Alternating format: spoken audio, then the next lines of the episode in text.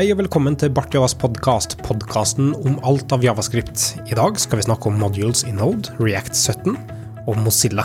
Det er tid for en ny episode med Temporal Dead Zone. Ja, velkommen, velkommen. Vi har hatt uh, sommerferie.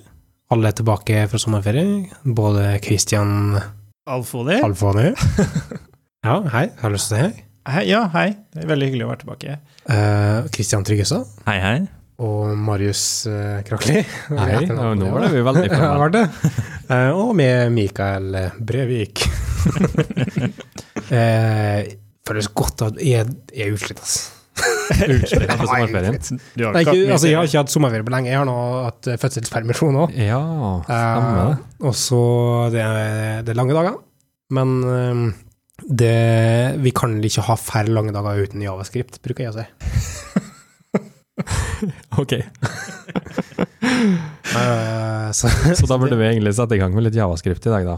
Ja, rett og slett. Ja. Hører jo at de prøver å uttale r-en min Ja, så tydelig som jeg overhodet klarer. Um, dere uh, har hatt en fin ferie. Ja, jeg lengter egentlig litt tilbake igjen, skal jeg være ærlig. Mm.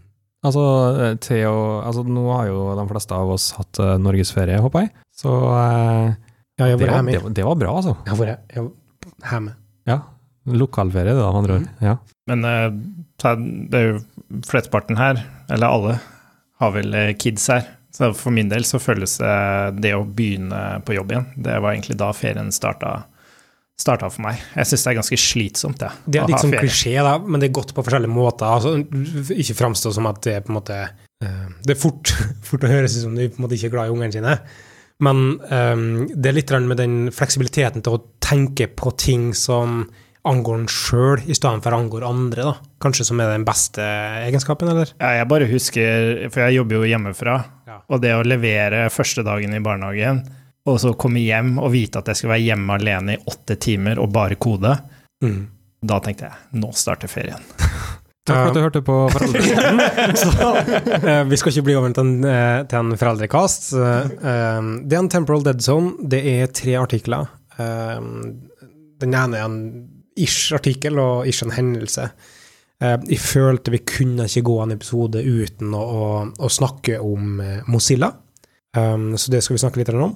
Um, en annen ting som jeg føler at uh, vi skal innom, er um, React 17, som har hatt en release, og ikke nødvendigvis om releasen seg sjøl, men strategien som går i å um, lansere en uh, usensasjonell release i påvente av å etablere til senere ting, da, som vi også kan abstrahere vekk i slags kunnskap om hvordan vi tenker softwareutvikling som en helhet, tenker jeg. Uh, I tillegg så er det da ehm, uh, Node 14 har mm, nå offisiell støtte for uh, ECMAScript-moduler. Så det er en artikkel som dekker hva slags eh, problem det kan være med det, da, og, og hvorfor de eksisterer. Jeg, ikke, jeg, jeg tror ikke vi går mer inn på en måte sånn metadiskusjoner om de, eh, om de artiklene i seg sjøl. Og så, vi, så løfter vi opp temaet, og så diskuterer vi de forskjellige aspektene rundt det. Ja, skulle artiklene være interessante for dem som hører på, så legger dem i nyhetsbrevet på partiodas.io. Som alltid. Så partiodas.io så kan du også abonnere på nyhetsbrev som kommer ut. Det er cirka, la oss si at det er kanskje fem-seks i året, da, som kommer ut med artikler der det er kurerte artikler, egentlig som med en oppsummering av dem, hvis du skal abonnere på dem. Du, du smiler, Alfani? Jeg visste ikke om det. Nei, det er fordi at eh, det er jeg som skriver dem. du kan gjerne begynne å skrive dem hvis du vil, for det er ikke en oppgave jeg syns er kjempeartig. Hvis du går inn på bartidas.io, og så author Mikael så eh, Jeg tror det er ingen andre som har skrevet på den bloggen. Men hvis har dere noen har lyst, eller noen som hører på, lyst til å skrive faginnhold på bartidas.io, kom an. Ja, ja, ja. Kanskje kunne invitere noen også til å skrive der? Du kan jo høre med eh, David K. Piano. Han har sikkert lyst til å snakke om, han Kan har skrive om lyst til å snakke om X-State. Han han er helt sikkert med på det. det tror jeg faktisk. Han er Men state kriterie, management-hore. kriteriet, kriteriet er at han må skrive på norsk. Som, som må lære seg først, da, sikkert. Men det kan vi sikkert få at den å gjort. um, vi starta på det største temaet, kanskje. Vi, vi får se. Um, Hvem her kjenner til historia med moduler i, um, i Node? Altså da tenker jeg på ECMAScript-modulstandarden. Jeg kjenner bare til um, CommonJS. Jeg visste ikke, når etter å lest artikkelen, eh, det har alltid forvirra meg. CommonJS, eh, ECMAScript, ES modules, ES, alle disse ES-tinga. Så jeg har alltid tenkt på det. I Node så har man require, og så på klienten så har du eh, ES modules, da. Import og eksport. Det er sånn jeg har tenkt, da. Um, men nå har jo tydeligvis Node også fått eh, Så før i nettleseren så var det òg CommonJS. Altså du, det er jo der Ja. Um, AMD var først, som hadde Define and Require, sant? Og så Mhm. hadde du CommonJS. Det var de to standardene som fantes for module resolving. Node hadde bestandig CommonJS som en følge av um, uh, Ryan Dahl sin, sin valg av det, som valgte det da, til tross for at AMD fantes på den tida òg. AMD var mer Require JS, og det var også egentlig konseptualisert fra MooTools tilbake i 2006. Men um, de valgte nå CommonJS som en greie, og så kom Browserify fra eh, Substack, sant? Eh, og gikk over til å få CommonJS over i nettleseren. Man, og, og det var det sånn som Webpack starta med òg. Men så begynte standardiseringsorganet å tenke på egne statiske analysemodeller, og, og det er nå ES-module, sant? Og så har det, det gått videre til at da skal det backtrackes tilbake til Node. For nå skal de følge med på javascript-utviklinga, hva stor grad skal de ta på spekken. Så er det forskjell på standarden i syntaksen versus eh, modular resolvinga. Det er to forskjellige ting. Det er selve syntaksen om import og eksport versus hva skjer når du har en script tag med type module i nettleseren din. To forskjellige ting. ene er dekket av standarden, andre er dekket av, av implementeringa av det. Og der har det da vært en del konflikt. Nå prøver jeg, å Dette er vel ikke uh, inkludert i artikkelen, tror jeg. Um, det bare legger konteksten til hvorfor dette er en sånn historisk problematisk greie. da.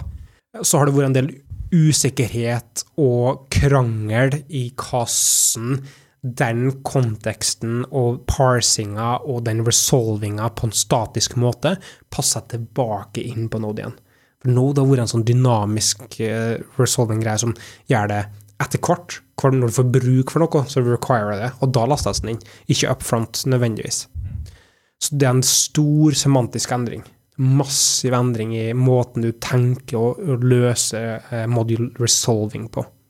De starta i hvert fall i Node 12, kanskje tidligere, jeg husker ikke. Med, men da var det bak et experimental flag, som var dash dash eh, experimental modules. Har du Så jeg kunne brukt det. Ja, jeg brukte det litt i experimental fase. Um, og nå er det da hm? Nei, Føles det rart? Det, bare, det er så, sånn som jeg sa, det er litt no, det er require, og, og appen er Det er sånn Ja. Det er litt tilvenning. Du gjør noe som egentlig ikke er helt lov, på en måte. ikke si det her til Kristian Tryggestad, men um, det siste periode òg. Det er kanskje siste halvåret. Ikke, jeg skal dekke det sånn at han ikke ser hva jeg snakker om. Siste halvåret så har vi stort sett kun brukt TS Node, som gjør at du bruker import-eksport uansett, for det transpilerer i bakkant. Har du det? Nei, unnskyld at det ble stille der. Ja. Ja, nei, det går fint, altså. Um, så overgangen til å bruke det er ikke så rart. Men det byr på en del utfordringer, for at du går fra to helt forskjellige semantiske oppfatninger av ting. Og det er mye enklere å fikse syntaks, for det er bare Det, det kan sukker fikse. Semantikk er mye vanskeligere. Mm. Og det er en semantisk endring. Du går fra dynamisk resolving over til statisk resolving. Så? Og, og på overflata kan det høres eh, rett fram ut, men under panseret så betyr det en myrade av endringer. Mm. Og en endring i, i tankesett som går inn i det. Jeg forsto det sånn at i, med require så er alt synkront. Så når du skriver require, det er da den går inn og finner ut hva skal jeg ha for noe. Er det en fil den skal ha, så går den synkront inn og leser det av filsystemet. Er det noe du peker til som er over nettet, så synkront henter den det over nettet. Eh, Når den først har henta det ned og kjører det, skjer det en side effect inni der før den faktisk returnerer noe. Så kjører den alt det før du faktisk får det tilbake, og koden kjører videre da. Mens som du sier, i ESM så er det først en prosess der den går gjennom all syntaksen og finner ut om det faktisk er eh, noe som kan håndteres, og så går den inn og gjør klart alt sammen asynkront, og så kommer den til enden, og så begynner den å kjøre det på en måte bakover, holdt jeg på å si. Men, men det betyr nå fortsatt at med import-syntaksen så skjer det i nesten sånn i compile time, nei, parse time, sant? versus i runtime. Så det, så det er den store forskjellen. Du har import som en, som en, dynamisk modul som du kan bruke, men den har ikke samme semantikken nødvendigvis da, mm. som require. Ja, for de har importfunksjonen også i Node, eller? Det, jeg har aldri brukt det, men jeg tror det. Men tingen er at du kanskje ikke har behov for det, for du har require. Du kan require ting. Og øh, jeg bare tenkte du kunne at require og den importfunksjonen gjør jo litt ja. av det samme, da, bare at ja, det er jeg, import er ja. asynkron. Ja. Sånn. Jeg er usikker på om, den, om, den, om de har den, mm. skal jeg være helt ærlig. For at, som du sier, de løser, løser litt det samme. Mm. Um, men du kan i hvert fall kalle require fra en, en module. Uh, og det er en del regler da, som denne artikkelen her går gjennom, som du må forholde deg til. Jeg tenker, hvis vi snakker litt om de reglene, så, um, sånn at folk er klar over det og, og, tenker over det, og så kan vi ta en liten diskusjon i ettertid på en måte, hva syns altså, hva betyr det her for Node som en plattform? Løfter jeg opp diskusjonen ditt? Altså, er det greit? Ja, løfter. vi løfter, vi, Mikael. Klar for å løfte. Uh, er det noen som har lyst til å prøve seg på en oppsummering? Marius, du er klar med oversikt? Eh, oversikt jeg sitter med oversikt jeg. Ja. Uh, det første er at du kan ikke require en ESM-modul. Du kan bare importere den. Altså, du kan ikke require en Så det betyr at du kan ikke gå fra uh, Common JS over til uh, ESM. Mm. Ja. nummer to er at uh, CommonJS uh, kan ikke bruke statisk importerbare uttrykk. Sånn som det overfor, står det her. Eh, men det refererer til et uttrykk i artikkelen. så da må du lese artikkelen. Ja, det, det, så, uh... det, det, oversettes så dårlig til podkast. ja, men det er sant. Det er fint, det. Og da, det er jo flere her òg, men så spørs det hva godt oversettelse til faktisk uh, podkast innser jeg her nå. Bare, la oss si kjapt sånn du for det er en, en viktig implikasjon her, da. Ja, altså, du kan ESM importe, kan importe Common Jolas, da. Ja. Det kan det. Så, så, du kan bruke import statements til en common JavaScript, ja. men det er en stor, stor sånn asterisk på den der. For at du kan kun importere default. Så det du har eh, satt module.export til en funksjon, den kan du importere. Hvis du har module.export.et eller annet, som er måten du eh, eksporterer named functions på i CommonJS, det kan du ikke importere, sant? Mm. Mm. Så de, da eh, Men du kan vel, men du kan vel importere importere det, men du kan ikke importere det med den derre destructure-syntaksen. Ja, men det er ikke en destructure-syntaks. Det Nei, jeg husker ikke hva den heter. Hadde det vært en destructure-syntaks, ja. så hadde det vært en annen semantikk bak det. Ja, og da kunne du ha brukt det. Men her så er det faktisk ikke en destructuring. Og, og, det er en annen helt annen diskusjon egentlig da, med, med, ESM. er at de har noe som ligner på destructuring, men som egentlig er en aliasing som er en annen semantikk enn det. Ja, stemmer. Men uh, hva, hva er grunnen til at det ikke går, da? Hvorfor er det så masse vanskeligere enn å importe default? Du, sånn som i Common Jodas, så er det egentlig ikke noe som er å eksportere spesifikke funksjoner. Du benytter det av eh, evnen som Javascript har til å sette eh, properties på funksjoner. Og nå er vi inne i sånn eh, teoretisk eh, territorieland her, men en funksjon i Javascript er det egentlig det som kalles en callable object. Det er et objekt som har properties. Du kan sette f.eks. function. Hvis du lagrer en funksjon i en variabel, og så skriver du variabelen der og skriver length, så får du ut eh, antall argumenter en funksjon får. De har properties. Og det betyr også, og objects i Javascript er mutable og de kan utvides, så kan du også sette andre funksjoner på det. Så det som egentlig skjer når du eksporterer en funksjon med navn i CommonJS, er at du lager en funksjon på default-eksporten, og så setter du en funksjon på den funksjonen som du allerede har eksportert, eller det objektet som du allerede har eksportert. Mm. Den helt annen semantikken, det å eksportere en spesifikt statisk analyserbar ting fra import ESM-greia, som har en egen named greie. sant? Ja, jeg skjønner. Ja, De er bare ikke kompatible, sånn som jeg skjønner. Ja, for, det er, for når du ser ESM-syntaksen, så, så er det eksplisitt eksport, konst og variabelnavnet. Mens i, i CommonJS så du kan liksom ha en CommonJS-modul der du har en funksjon eh, som du kaller i bunnen av fila, og inni den eh, funksjonen så kan du begynne å legge ting på eksporten.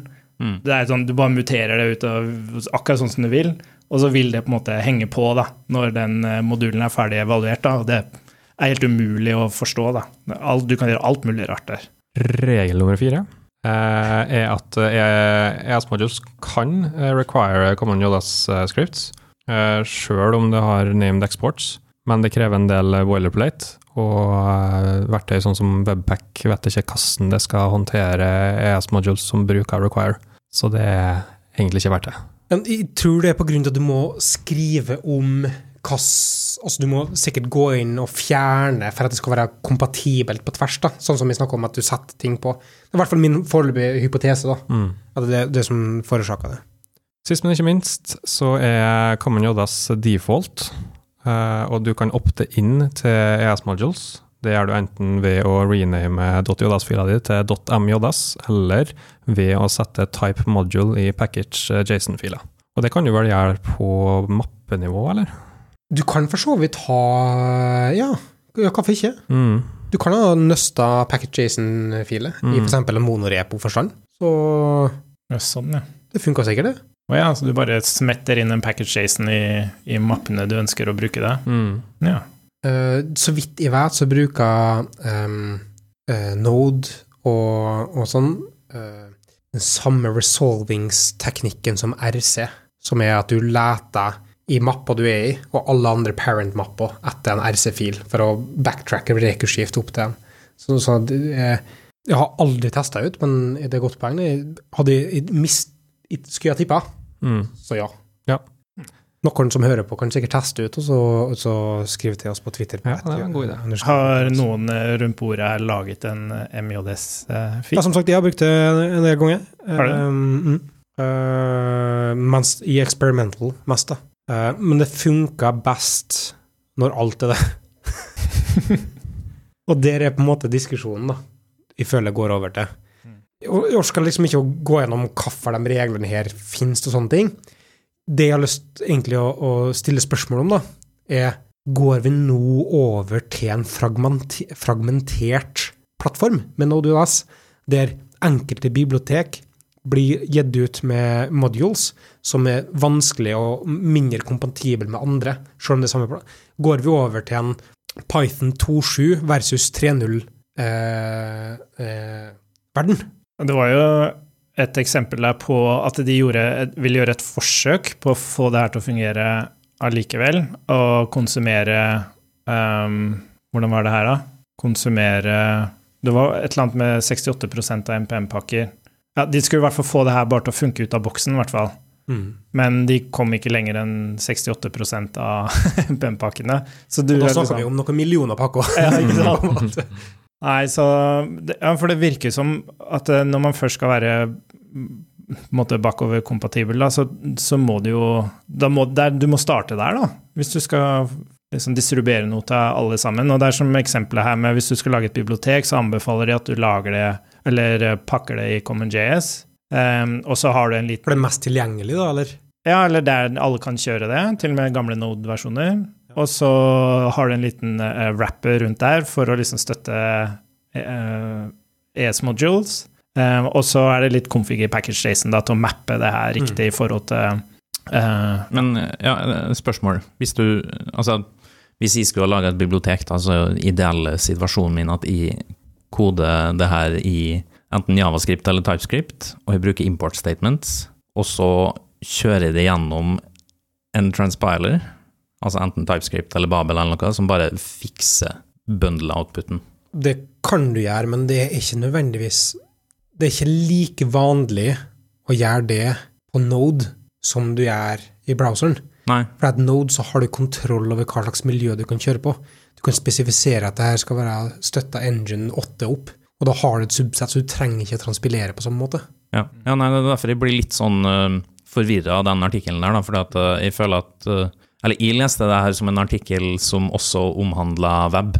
Ja. Og så så jeg først nå at det sto i første avsnitt. Node 14 hadde kommet med det her. Ja. Nei, det er en, en uh, serverside-greie, sant, Ja. egentlig, da.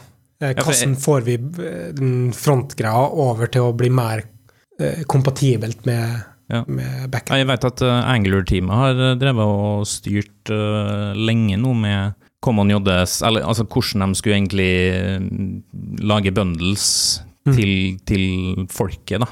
Hva er det vi trenger, og hva er det vi vil ha, og der har de jo både Common JS og du har UMD.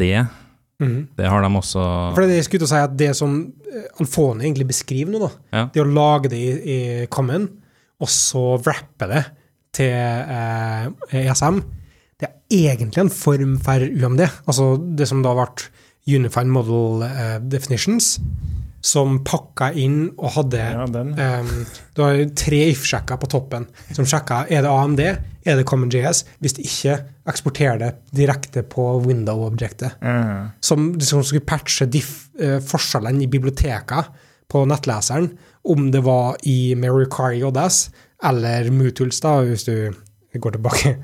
um, og og um, eh, hvis ikke du hadde noen til dem, så kunne du fortsatt laste det inn via script-tag. Det det også uh, peker ut her, er jo eh, vanligvis i dag så bygger man jo biblioteker med en egen CommonJS-versjon og en egen uh, ES-module-versjon, og kanskje en, en sånn typisk sånn dist-sak som skal lastes i, i nettleseren. Mens her sånn så, så peker den ut det at eh, ok, nei, lag en CommonJS-versjon, og så har du en, en wrapper-fil bare, som bruker den samme koden, fordi ECMAs eh, ES-modules kan jo hente inn CommonJS-modules, eh, med det formålet at man eh, unngår det at du potensielt kanskje prøver å importere fra de to forskjellige bundlene. Så du unngår det at du plutselig så importerer du fra CommonJS-bundlen her, og så importerer du fra ES-bundlen her, da, og så er du ute og kjører litt der. Men, eh, så den har ikke jeg sett, og jeg vet ikke om det er noe verktøy som automatiserer, automatiserer den prosessen. Sånn, sånn typisk rollup og sånn er ganske noen go to-verktøy for å bygge biblioteker. Eller, Mm. men, Eller så har liksom sånn, du markerer den som standalone, og så kommer det automatisk Ja, med mm. men jeg har ikke sett noen som gjør akkurat det her. Nei, Um, det som går an til Node, men det går ikke inn på det her, vet du. Nei, men sånn Generelt sett så er jo egentlig det, det at vi har Common JS-formatet, og at vi har uh, det nye formatet Hva nå står det stille? Men- ES-modules. ES-modules, ja. ES-next, som er Men det er ESM liksom går det under. Ja. Men uh, det er et stort problem, uh, og har vært et stort problem egentlig for webdelen av Node lenge. Mm. Fordi Common JS er, sånn jeg har forstått det, nesten ikke tree-shakeable i det hele tatt. Nei, det krever ganske mye, sant. Ja, Kassen, bare forestille, da.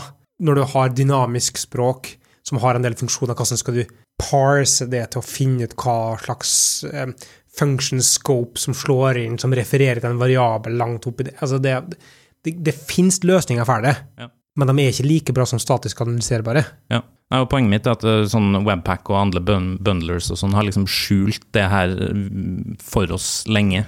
Det er ingen som har et forhold til hvilket eh, format er det React eh, blir publisha i, egentlig.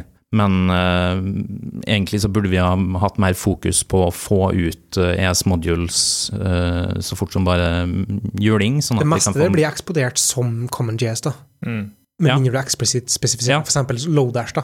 Når det er Lodash, som flest folk egentlig bruker, det er CommonJS, og så har du Lodash ES, som eksporterer som Men da må du begynne å spesifisere at så her skal transpileres og så videre, da. Ja, Vi ja, og det, en- ja, det tenker jeg at eh, er et problem, da. At vi ikke har nok fokus på at ES modules løser faktisk en ganske viktig ting her. Ja. Uh, og så lenge det ikke blir fokus på det, så kommer eh, alle til å bruke Common JS til hva- evig tid. Da. Men hva betyr det her, da, for eksempel? For at um, modular-resolvinga på ESM, det har ingenting som Jason. I, i, eh, i Node.js så er det spesifisert som en over du, du kan bare Require. Du kan gå inn på require, og så har de en, en property på seg som sier hva slags allowed extensions du har, og så skriver du en egen en, uh, read-file på den. uh, for at det er dynamisk i utgangspunktet. Og, og sant, med mm, eh, TypeScript løser ikke det. sant? For da må du ha eh, Webpack eksempel, i, i bakkant som gjør det ferdig, og lager det om til noe som du kan pakke inn i JavaScript for å få det inn.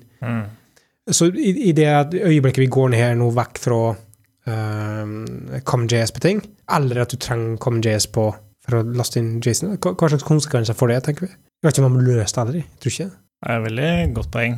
Jeg tenker det hadde vært veldig behagelig hvis alt bare ble Ta sånn som i nettleseren, da. Hvis alt var bare distribuert ut som eh, ESM, Ja. og så ble alt bare transpilert, da.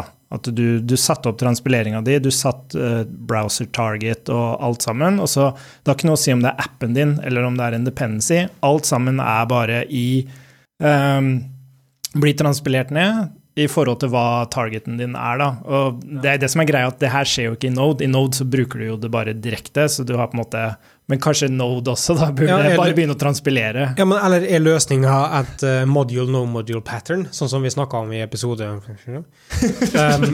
en tidligere episode. Det- altså det vi eksponerer både bakordkompatible ting for dem som trenger det, eller dem som har det, så er type module som laster inn uh, import statement som støtter det i moderne nettlesere. For tross alt, nesten alle nye eh, Greenfield nettlesere støtter import statements. Så du kan eksportere det med den støtten som du har, og så kan du ha en fallback-mekanisme på det. Er det løsninga å gå over det samme i, i Node? Jeg, ja, jeg tenker det Det hadde vært en fantastisk verden, syns jeg, der man som author av et verktøy kan gå inn og bare skrive koden uten å måtte tenke på alle de tinga her. Og så er det heller den som skal konsumere verktøyet, som må sette opp Ikke en transpilering. ansvarsforskrivelse så uten de grader, da. Nei, men hvem er det som Men ta alle de verktøya som aldri blir Nei, det er ikke sikkert, da. Eh, at det er nødvendigvis det som stopper det. Men det er utrolig vrient å, å distribuere biblioteker, fordi du må tenke på alt sammen sjøl.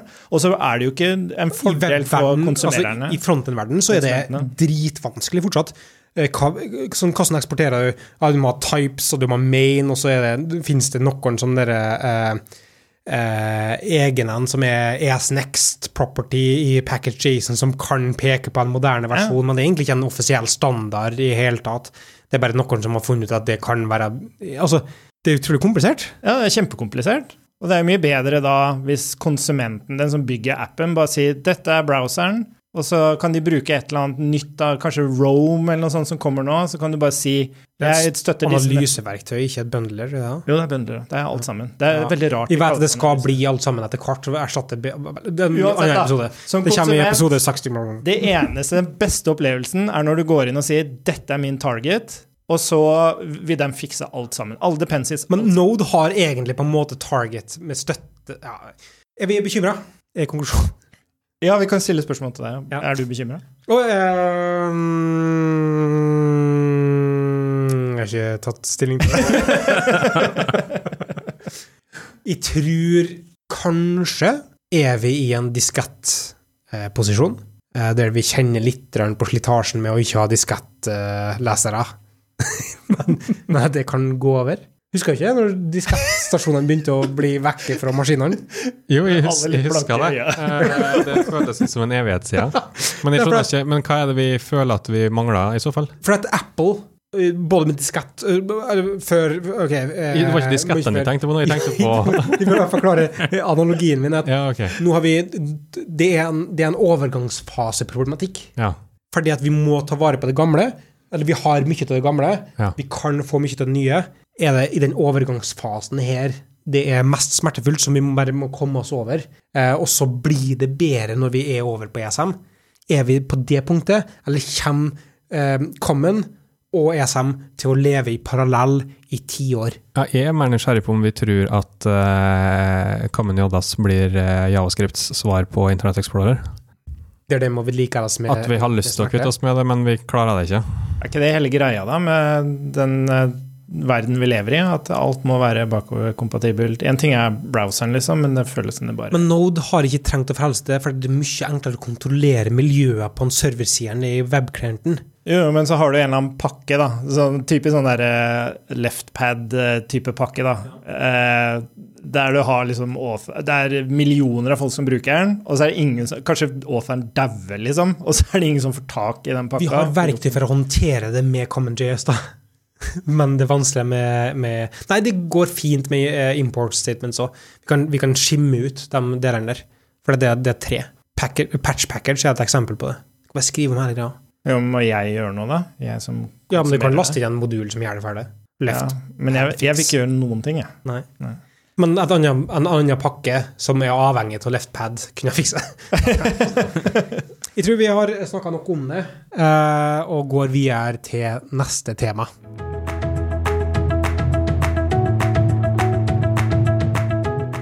Andre ting som vi foreslo at vi kunne snakke litt om, er igjen eh, Ikke gjerne året med alfaene, men eh, jeg tenker å heve litt eh, sånn, Det er veldig sånn i, i abstraksjonsnivå, da. Men jeg liker den hevinga her. Jeg syns det er kjempebra. Ja, gestikulasjonen min, eller? Nei, bare det å heve okay, temaet. At vi har litt sånn grunnkompetanse rundt artikkelen, og så Ja. snakker vi over det. Så-. React 17 um, Jeg ønsker ikke å snakke uh, utelukke det heller på å snakke om ra- rammeverk, men React 17 har hatt en release candidate uh, for en det- Nå er det jo en vel uke siden. Uh, det React 17 kom, sant? Um, det ble en meme-greie på internett omtrent. Det at the least excited I've been for a release, et eller annet sånt der, da. Fordi at det kom ingen nye features. En ting er at det på en måte illustrerer på en måte den um, eh, feature-tørsten som vi har som utviklere, kanskje. Um, men det jeg kunne tenkt meg å bruke den, den eh, forumet til nå, er å diskutere hvordan håndterer vi sånne utrullinger og versjoneringer av ting? Kanskje på bibliotek, men også litt på produkt. Det å bruke mye tid på å forberede at noe annet skal brekke på et tidspunkt. Og eh, som en annen subtekster, da, er at går vi tilbake tre år, så holdt alle på å snakke om eh, tech fatigue. Det at vi var så metta, eller eh, det ble for mye å ta over seg. Alle endringene. Det kommer nytt javascript i bibli- bibliotek eh, hver uke. Det er vitsen som, som alle dro om, om, om web. Og så ser vi nå, sånn som eksempel React, da. Dønn stabilt i flere år. De er skikkelig nøkterne på å rulle ut breaking changes. De, de gjør gradvis oppgraderinger fordi at de sjøl har hva det er, 150 000 komponenter som de, som de må vedlikeholde, som er avhengig av det. Eh, og, og det samme er det. Sant? Det har vært de store rammeverkene nå som har vært etablert over en lang periode. Det kommer noen utfordringer, eh, liksom små utfordrere, men ikke noe som, som eh, er på den, kommer på det nivået. da. Ting er forholdsvis stabilt. Måten vi bruker det på, endrer seg litt, men det er fortsatt eh, overførbar kunnskap. Jeg vet ikke om det var en call to action i diskusjonsforumet, eller? Nei, men, det, men React er jo Jeg tenker det er sånn helt unikt, da. I hvert fall det der Det er jo laga internt i Facebook, som de sier, de har 150 000 komponenter eller noe sånt. Så de er på en måte Og de får betalt for å gjøre det her, da. Og det er jo Og man kan jo tenke seg at det her er jo sånn open source burde drives, men det er jo på mange måter ikke et typisk open source-prosjekt, da. Um, så ja, jeg har egentlig ikke noe mer å si om det. Jeg tenker både positivt og negativt, da. Ja, på en måte, måte. Altså Det er jo positivt at de, at de greier å holde så stabilt, og at de tenker på bakoverkompabilitet bakoverkompatibilitet og ikke brekke ting.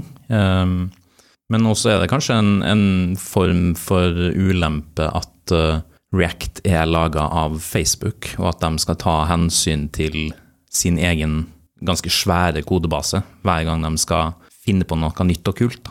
Mm. Eh, Så klart eh, vil jo den store kodebasen også drive behovene for et eller annet kult, så det, er fordeler og ulemper der òg. Vi vet f.eks. at eh, Google-teamet, altså Angler-teamet til Google, de har vel, så vidt jeg vet, et krav om at brekker du noe, så skal du reparere det sjøl òg. Ok, ja. Så all, all kode som blir committa til, til Angler-repoet, det blir automatisk pusha ut på alle repoene de har internt. Mm. Ganske mange repositories og komponenter og sånt der. Og så hvis du brekker noe, så skal du egentlig bistå med å, å fikse det. Eventuelt, de ruller jo tilbake hvis det brekker, men altså, du står ansvarlig for å liksom sørge for at alt funker. Det er et godt poeng det du sier da, at du, det er bestandig en, en balansegang mellom innovasjon og vedlikehold på et vis. Mm. Og det høres nå ganske ekstremt ut, da. For at det høres ut som sånn du blir straffa for nytenking på andre sida. Ja, ja. Kommer, kommer det features i Angular lenger, egentlig? Det lurer jeg på. ja, det kommer noe. Når De har nå jobba med Ivy-compileren ganske lenge, da. Den er jo kommet ut nå. Jeg tenkte mer på grunn av at det faktisk er at du har så stort ansvar hvis du faktisk ødelegger noe. Ja, nei, de, de får det til. Det er, det er ikke mange breaking changes eh, i Angler heller eh, nå, da. Og når det er det, så har de sånn code mode som det er i React. Men for det høres ut som en uh, annen tilnærming igjen, da. For sånn som, husk på at sånn som Hooks da, i React, det kom på en minor release.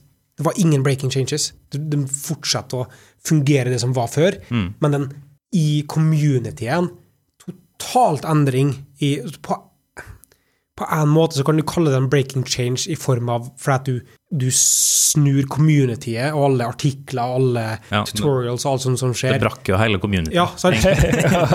men, men det var fortsatt en major change, og du, du kunne fortsatt å bruke det. Mm. Men det blir soft deprecations på sikt, og, og sjøl nå så fjerner de ikke alle de tingene som de kanskje eh, Så det, det er to kanskje forskjellige tilnærmingsmåter, jeg vet ikke.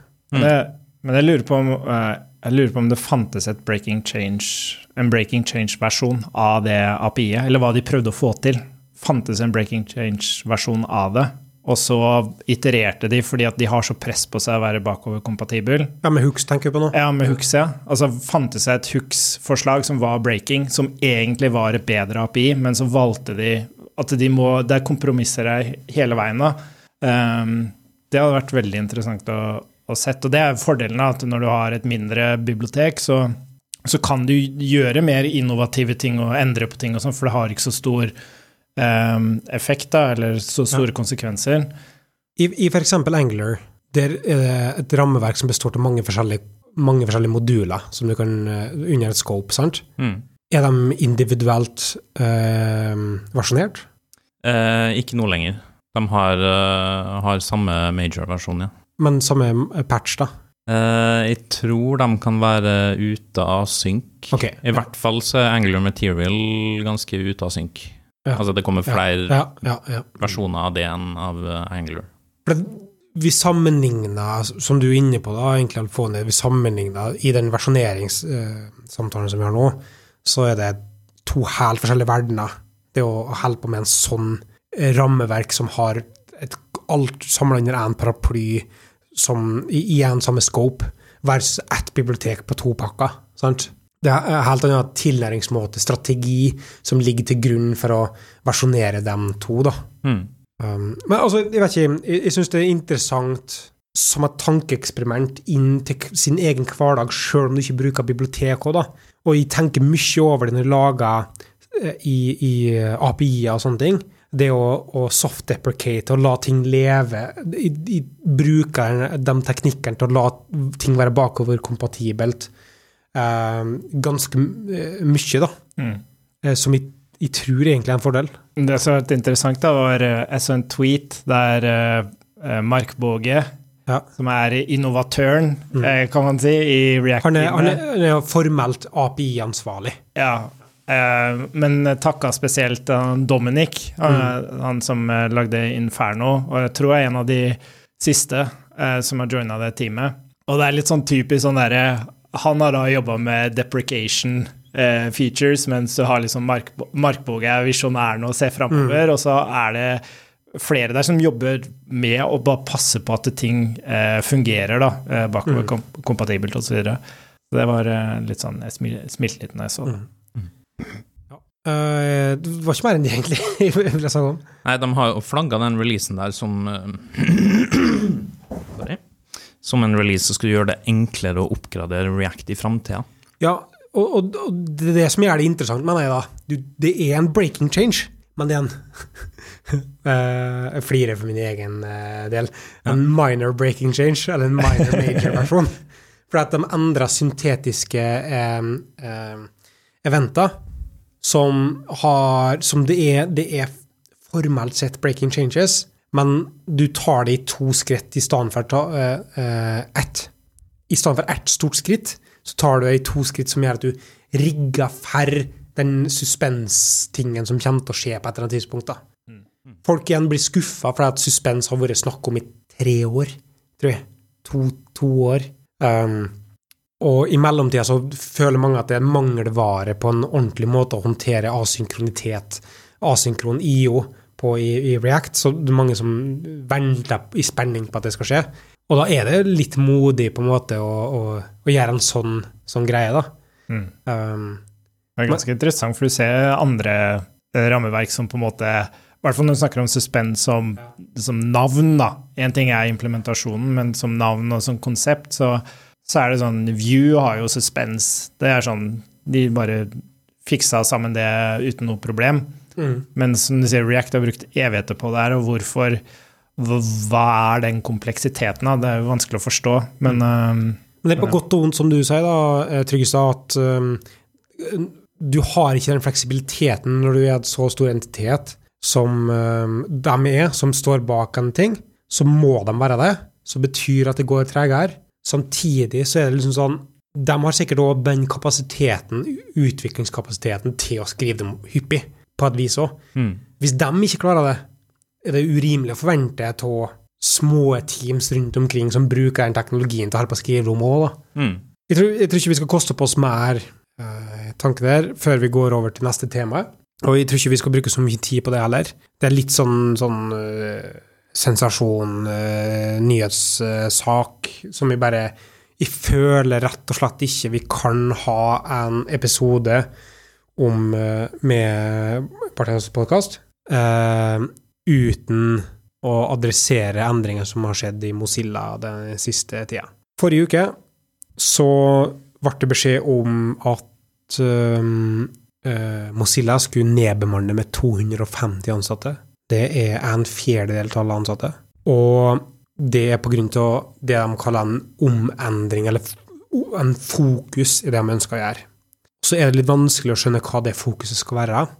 For det, de presenterer i det de skriver, er liksom å fokusere på eh, i ting de skal lage på sånn og sånn og sånn.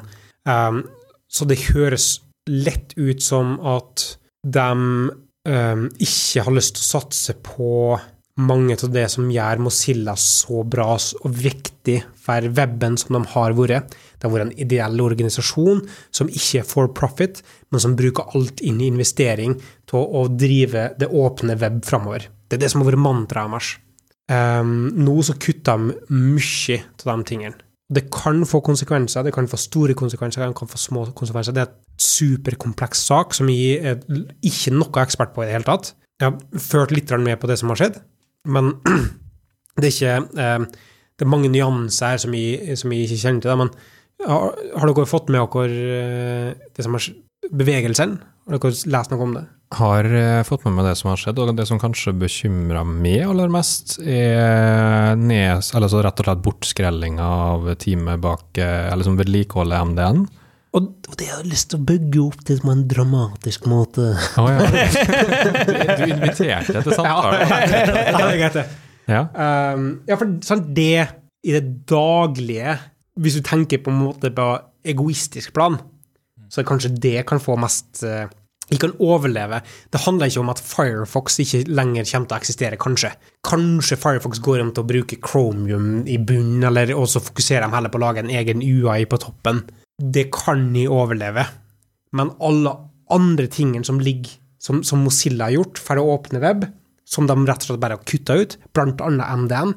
Forestill deg å være ny i bransjen med javascript og eh, CSS og, og alt som ligger på MDN, og så er ikke vedlikeholdt informasjon lenger. Men er ikke det litt sånn, sånn dramareaksjon på det? Jeg så en tweet fra de i teamet der, at de, det er fortsatt et team der. Det er bare ikke så mange, og de, De finner team, nye måter. de har et team som vedlikeholder det tekniske. Ja. De har ikke redaktører lenger. Så de som lager nytt innhold og skriver. Eh, men samtidig så er det andre selskap som er involvert i det. Ja, mm. Men fortsatt så betyr det at det, det er ikke fulltidsbetalte redaktører som driver og vedlikeholder den informasjonen. Det kommer til å få en hit. Hvis du ser den tweeten som du refererer til, som sier at det er fortsatt oppe å kjøre, Mm. så er òg wordinga uh, 'It's up and running, comma, for now'. Ja. Som impliserer hva lenge varer det? Sant? Når du ikke har en finansiering, fulltidsjobber som driver og vedlikeholder informasjon som er der, bare driver og hoster det, hvor lenge går det før det detter grus? De, de har, jeg, så eh, redaktøren eller editoren av det, hadde tweeta som hadde fått sparken, um, tweeta at de jobber med en løsning for å ta det videre på et vis. Mm. Men, eh, men det er usikkerhet. Men uh, det her er V3 Schools, eh, School som alltid dukker opp. Mm. For det er en profit-organisasjon, ikke sant? En norsk eh, Det er norsk profit. Ja. Så Mm. de, det er sånn, vi søker de opp her, så de tjener veldig, veldig gode penger. Omsetninga slo på noen 32 millioner i året. Og, Og det er så Det irriterer hvert fall når du sier eh, Mozilla det er non-profit, og det irriterer meg så sinnssykt at ikke vi har noe forhold til det her. Visste du svigerinna mi Mm. Hun jobber i Kavli. Visste du at Kavli er en stiftelse? Visste du at hvis du går og kjøper kumelk istedenfor tinemelk, Mm. så, så gir du tilbake Altså, de donerer alle penger All fortjenesten sin donerer de til Donerer de bort. Og det er sånn De spiller ikke på det i, i det hele tatt, i brandinga si. Men det er sånn der, Det irriterer meg så at ikke det betyr noe. At det er sånn det burde, det burde være det som ligger til grunn for hvilken tjeneste du bruker. I hvert fall når nivået er såpass høyt, da. Problemet med V3 Schools har da vært, i tillegg til at det har vært for profit og, og mye dårlig informasjon, nei, også, og reklame og sånne ting, er at det har vært misleading information. Det har vært ekstremt dårlig kvalitet på innholdet som er der. Nå er ikke det sant på samme måte lenger, da. Nei, det, det har forbedra seg en del, Mm. men det er fortsatt ingen MDN. Nei. Um, så når det gjelder MDN, så bare håper jeg at det kommer til å overleve på et plan, for jeg klarer ikke å se for meg en realitet som webutvikler uten den ressursen som MDN er, da. Mm. Men bare som en sånn eh, Som jeg har inntrykk av at Mozilla er en sånn R&D-type organisasjon. De, de utvikler nye ting, de innoverer, finner på nye ting. De, de bruker ressurser på det og ansetter liksom de smarteste. Og hvis det her forsvinner, så er jo det en sånn derre har vi forlatt eh, Microsoft og Google, som er veldig drevet av penger. Da. Det er veldig viktig å ha en, en prominent spiller da, som ikke er drevet av å tjene penger. Ja, det er det. Og det som er så fint med det, at du har en proponent som um, er ikke drevet av penger. Samtidig så driver de og, og eh, fronter og, og eh, jobber for det åpne web, som er noe som vi trenger i det daglige eh, og for framtida, sant? Det at vi ikke har bare big corpers og eh, fanggjengen. Facebook, Apple eh, eh, hva N står for, da? Amazon, eh, og det ene en annen, og så Hva er det N? Google og mm, Netscape. Ja. Hva kan N være i en stor en situasjon her, da? Microsoft. Netflix. Ja. Um, uansett, eh, som, som du sier, som ikke er for profit, da, for du vet jo at de kan ha et bedre tilnærmingsmåte på det. Men la oss håpe at det blir tatt eh, vare på VR, og så håper jeg at det ikke blir automatisk community-drevet, for det er en så sentral, viktig ressurs at det må ha fulltidsansatte som pleier å vedlikeholde informasjoner. En annen ting som irriterer meg, det er at hvis jeg skal inn og ha informasjon fra MDN, Mozilla Developer Network, så må jeg eksplisitt legge til MDN i søketermen på Google. Det irriterer meg så grønn jævlig. Det fins plugins for å fikse Gjør det det? Ja, men det er helt utrolig. Igjen, da, hele den her at å, For de betaler sikkert sykt mye penger V3 Schools for å komme høyt opp på Google.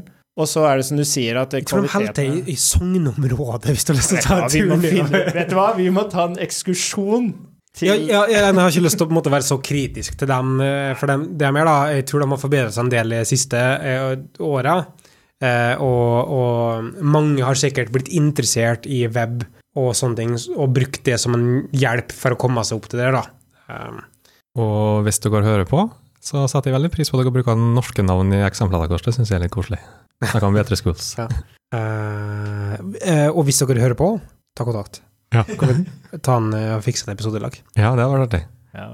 Men jeg har, jeg har bare fått med meg den uh, greia her om at uh, MDN kanskje sliter litt uh, nå for tida. Men, eh, Servo ja, men du, du sier også at, at eh, Firefox kanskje De har skrevet at risikerer heden. fokuset deres kommer til å være på brukergrensesnitt opp mot det, som implisitt, i hvert fall jeg tolker på den måten at de, eh, i og med at de har kutta ut eh, core-teamet til Servo, som er engine de jobber på, Mhm. eh, og for så vidt core-teamet til Rust, eh, for så vidt. Eh, men det er en annen diskusjon. Den, den tror jeg ikke er så faremoment på, for det er så community-drevet fra før av. open.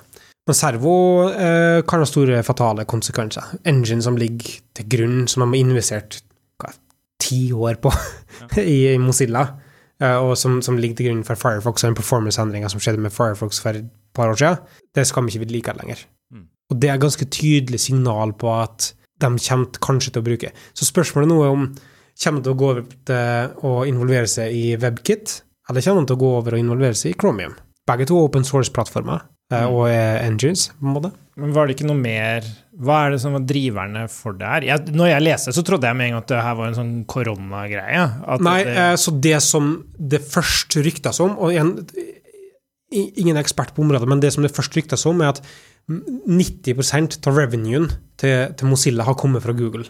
Den avtalen om at Google er hovedsøkemotoren inntil Firefox, har vært den største eh, inntektskilda til Mozilla. Som sier noe om kapitalen Google har, da, for så vidt. Bare at de, ja, ok. Eh, og så hadde de mista et eller annet av den avtalen. Google var ikke lenger interessert i det. Og det, Da kan vi nå bryte ut en helt annen diskusjon om, som sier litt om hvor mye makt de store selskapene har igjen, og som bare kan ta livet av et selskap som gjør det bare med å kutte ut Ja, de er liksom søkemotoren, default Mhm. søkemotor for en nettleser, og så tar de knekken på hele nettleseren.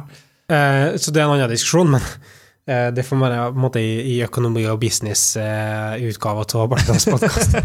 men um, så har jeg også lest noen rapport, rapporter på at det ikke var tilfellet, at de fortsatt har den avtalen. Men jeg, jeg, jeg, vet, jeg vet rett og slett ikke, men den gjeldende synt, eh, hypotesen er vel at de har mista finansiering fra eh, Michael Gugley. Um, og så var det en del eh, fingerpeking til ledelsen i Mozilla, som da fortsatt håva inn ekstrem absurde mengder penger. Til tross for at de, de sparka 250 stykk. Klassisk. Vi snakka jo om, eh, om det den gangen eh, Edge gikk over til Chromium, at det, Mm. kom til å, eller det var et stort tap for eh, weben. Men det her vil jo være Det her er verre. ja, masse, Mye verre. masse verre. Ja, ja, ja. Og da, da går det jo, hvis de hopper over på enten Chromium eller WebKit, da, så er du jo Mm. basically ned på én motor. Jeg håper i hvert fall de går over til WebKit, i så fall. Ja, For de kan være gode motorer til å drive weben på WebKit framover, i stedet for Apples enspora visjon om å få alle over på AppStore. ja Sant? det, det er sant. Men det er WebKit og Chromium Nå er jeg forvirra. Hva er uh, WebKit og Safari. Oh, ja. De forka den Det var way, det samme back, før. way back when. Oh, ja. Så ble det blink, og så ble det- ja. som uh, Men eh, ja, for jeg, men du bruker jo uh, den derre vendor prefix WebKit for Chrome. Ja, det Det er derfor jeg er forvirra. Ja, de, de var, Det var jo den samme motoren før, og så oh, ja. forka Google det ut og kalte det Blink, og så het det vel kanskje Blink fremdeles? Ja. uh, det er forskjell på motor og den Ja, eh, jeg tror det er noe som ligger bak der heter Blink fortsatt, men Chromium er den, den. Men mm. på en po positiv note da, så slutter Microsoft å støtte Internet Explorer og gamle Edge eh, fra 2021. Det er nesten så vi er på det punktet at de skulle ønske Internet Explorer fant- fantes fortsatt. fantes litt for, for, for utfordring, da. ja. Vi kommer til å savne den tida der. Det er en utfordring, i hvert fall. Det er helt sikkert. Jeg tenker vi setter en eh, punktum der. Um, jeg har ikke lyst til å bli for sensasjonalistisk på den Mozilla-greia. Vi vet ikke hva som kommer til å skje med MDN, vi vet ikke hva som kommer til å skje med Firefox. Det finnes noen hypoteser. Um, det er utrolig uh, kjipt at det er 250 stykk har mista jobben sin. Samtidig, eh, de som jobber der, som er 250 stykk, uh, som har vært her, det er høyt prominente folk i samfunnet som kommer til sannsynligvis å finne seg en jobb på ganske mange måter. Eh, Det kan være positiv i form av at mange ressurs, eh, gode ressurser går til andre kanskje mindre selskap, eh, og gir et fagløft der. I hvert fall sånn som Rust kan det være et tilfelle. Der har det vært i markedet et stor tørste etter Rust-eksperter. Så det kan være interessant å følge med på utviklinga der. Og kjenner jeg oss rett, så er vi glad i sånne layoffs-saker, så vi kommer sikkert til å prate om det i en senere episode. Uh, det her handler ikke like mye om layoffs. Jeg vil bare, vil jeg bare avslutte med at uh, vi snakker om teknologier her, men det er òg 250 mennesker som har mista jobben sin i en, en vanskelig verdenssituasjon. Da. Uh, så jeg vil på en måte ikke gå forbi den diskusjonen her uten å anerkjenne det. Absolutt. Um, det blir uansett um, Det blir uansett en, en, en, ting å føle med på hva som kommer til å skje med f.eks. ting som MDN og, og, og Firefox. da. Mm. Mm. Bra, Mikael. Jeg er ikke vant med at vi tar liksom sånn feedback eh, på podkasten. Ble helt satt ut nå. Hvis noen har lyst på eh, feedback direkte til C fra det, Alfoni, hvor kan de ta kontakt? Uh, uh, når jeg er på Twitter nå, enn så lenge um, Egentlig har jeg hatt en liten um, episode nå i helga der jeg tenkte at jeg har vært litt for mye på Twitter. Så kan godt hende jeg forlater det litt. Kan ikke folk skrive på kommentarsystemet til livestreameren som de gjør hver eneste dag? Livestre ja, livestreamen! Ja. Ja, Får jeg lov å plugge den? Kjør på! Ja, ja, ja. Hver morgen, vet du. Klokka 8.30, da kjører Alfoni livestream. Bygger app i Code Sandbox. Veldig artig. Bare en halvtime. Der vi, og det er utrolig hva man får gjort på en halvtime. Og det er rått, altså. Ikke noe forberedelse, ingenting. Bare hvordan eh, Litt ambisiøs å kalle sin egen greie rått. Nei, altså raw, da. Ja, altså, ja, rå. Prøvde meg på en spøk da. Ja, ja, ikke sant. Det funka ikke så bra, Mikael. Men det? eh, det er eh, veldig artig hvis du har lyst til å se på det. Har, har communityet ditt fått et navn ennå? Eh, nei, jeg, em, em, det er liksom Code Sandbox Live, da. Ok. Så Ja, men du kaller dem ikke liksom det Alfonis, eller Al Alfonister? Å ja, Alfonistene. Ja. Fanklubben, liksom. Ja, ja. Alfonistene, ja.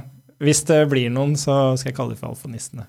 Um, Tyggestad, eh, har du en ny selskaps-e-post folk kan nå det på? Nei, vi, vi tar det på eh, Twitter eller GitHub eller Ja. hvor som helst ellers. Sånn Da som rundt sju r-er, ja? Nei, det er fremdeles bare to. og det er da at At Larifax. Krakels, Kraken, Senet 23, Kjært barn. Har mange navn, er det du prøver å si? Nei, nå har du jo akkurat uh, spoila det jeg skulle til å si, da, men eh, som vanlig når du med på Twitter på ett krakels. Og vi kan jo nå på at Mikael Brevik, eller så er jo faktisk eh, å svare på at underscore Bart Jodas. Um, hvis det er noen spørsmål rundt selve meetup eller eh, podkasten, eh, og har forslag, det tar vi gjerne imot. Da gjenstår det å si noe før det vi bruker å si, og det er at eh, Slacken finnes på slack.bartodas.io. Eh, og etter det så kan vi si at eh, takk for at du hørte på. Så høres vi i neste episode.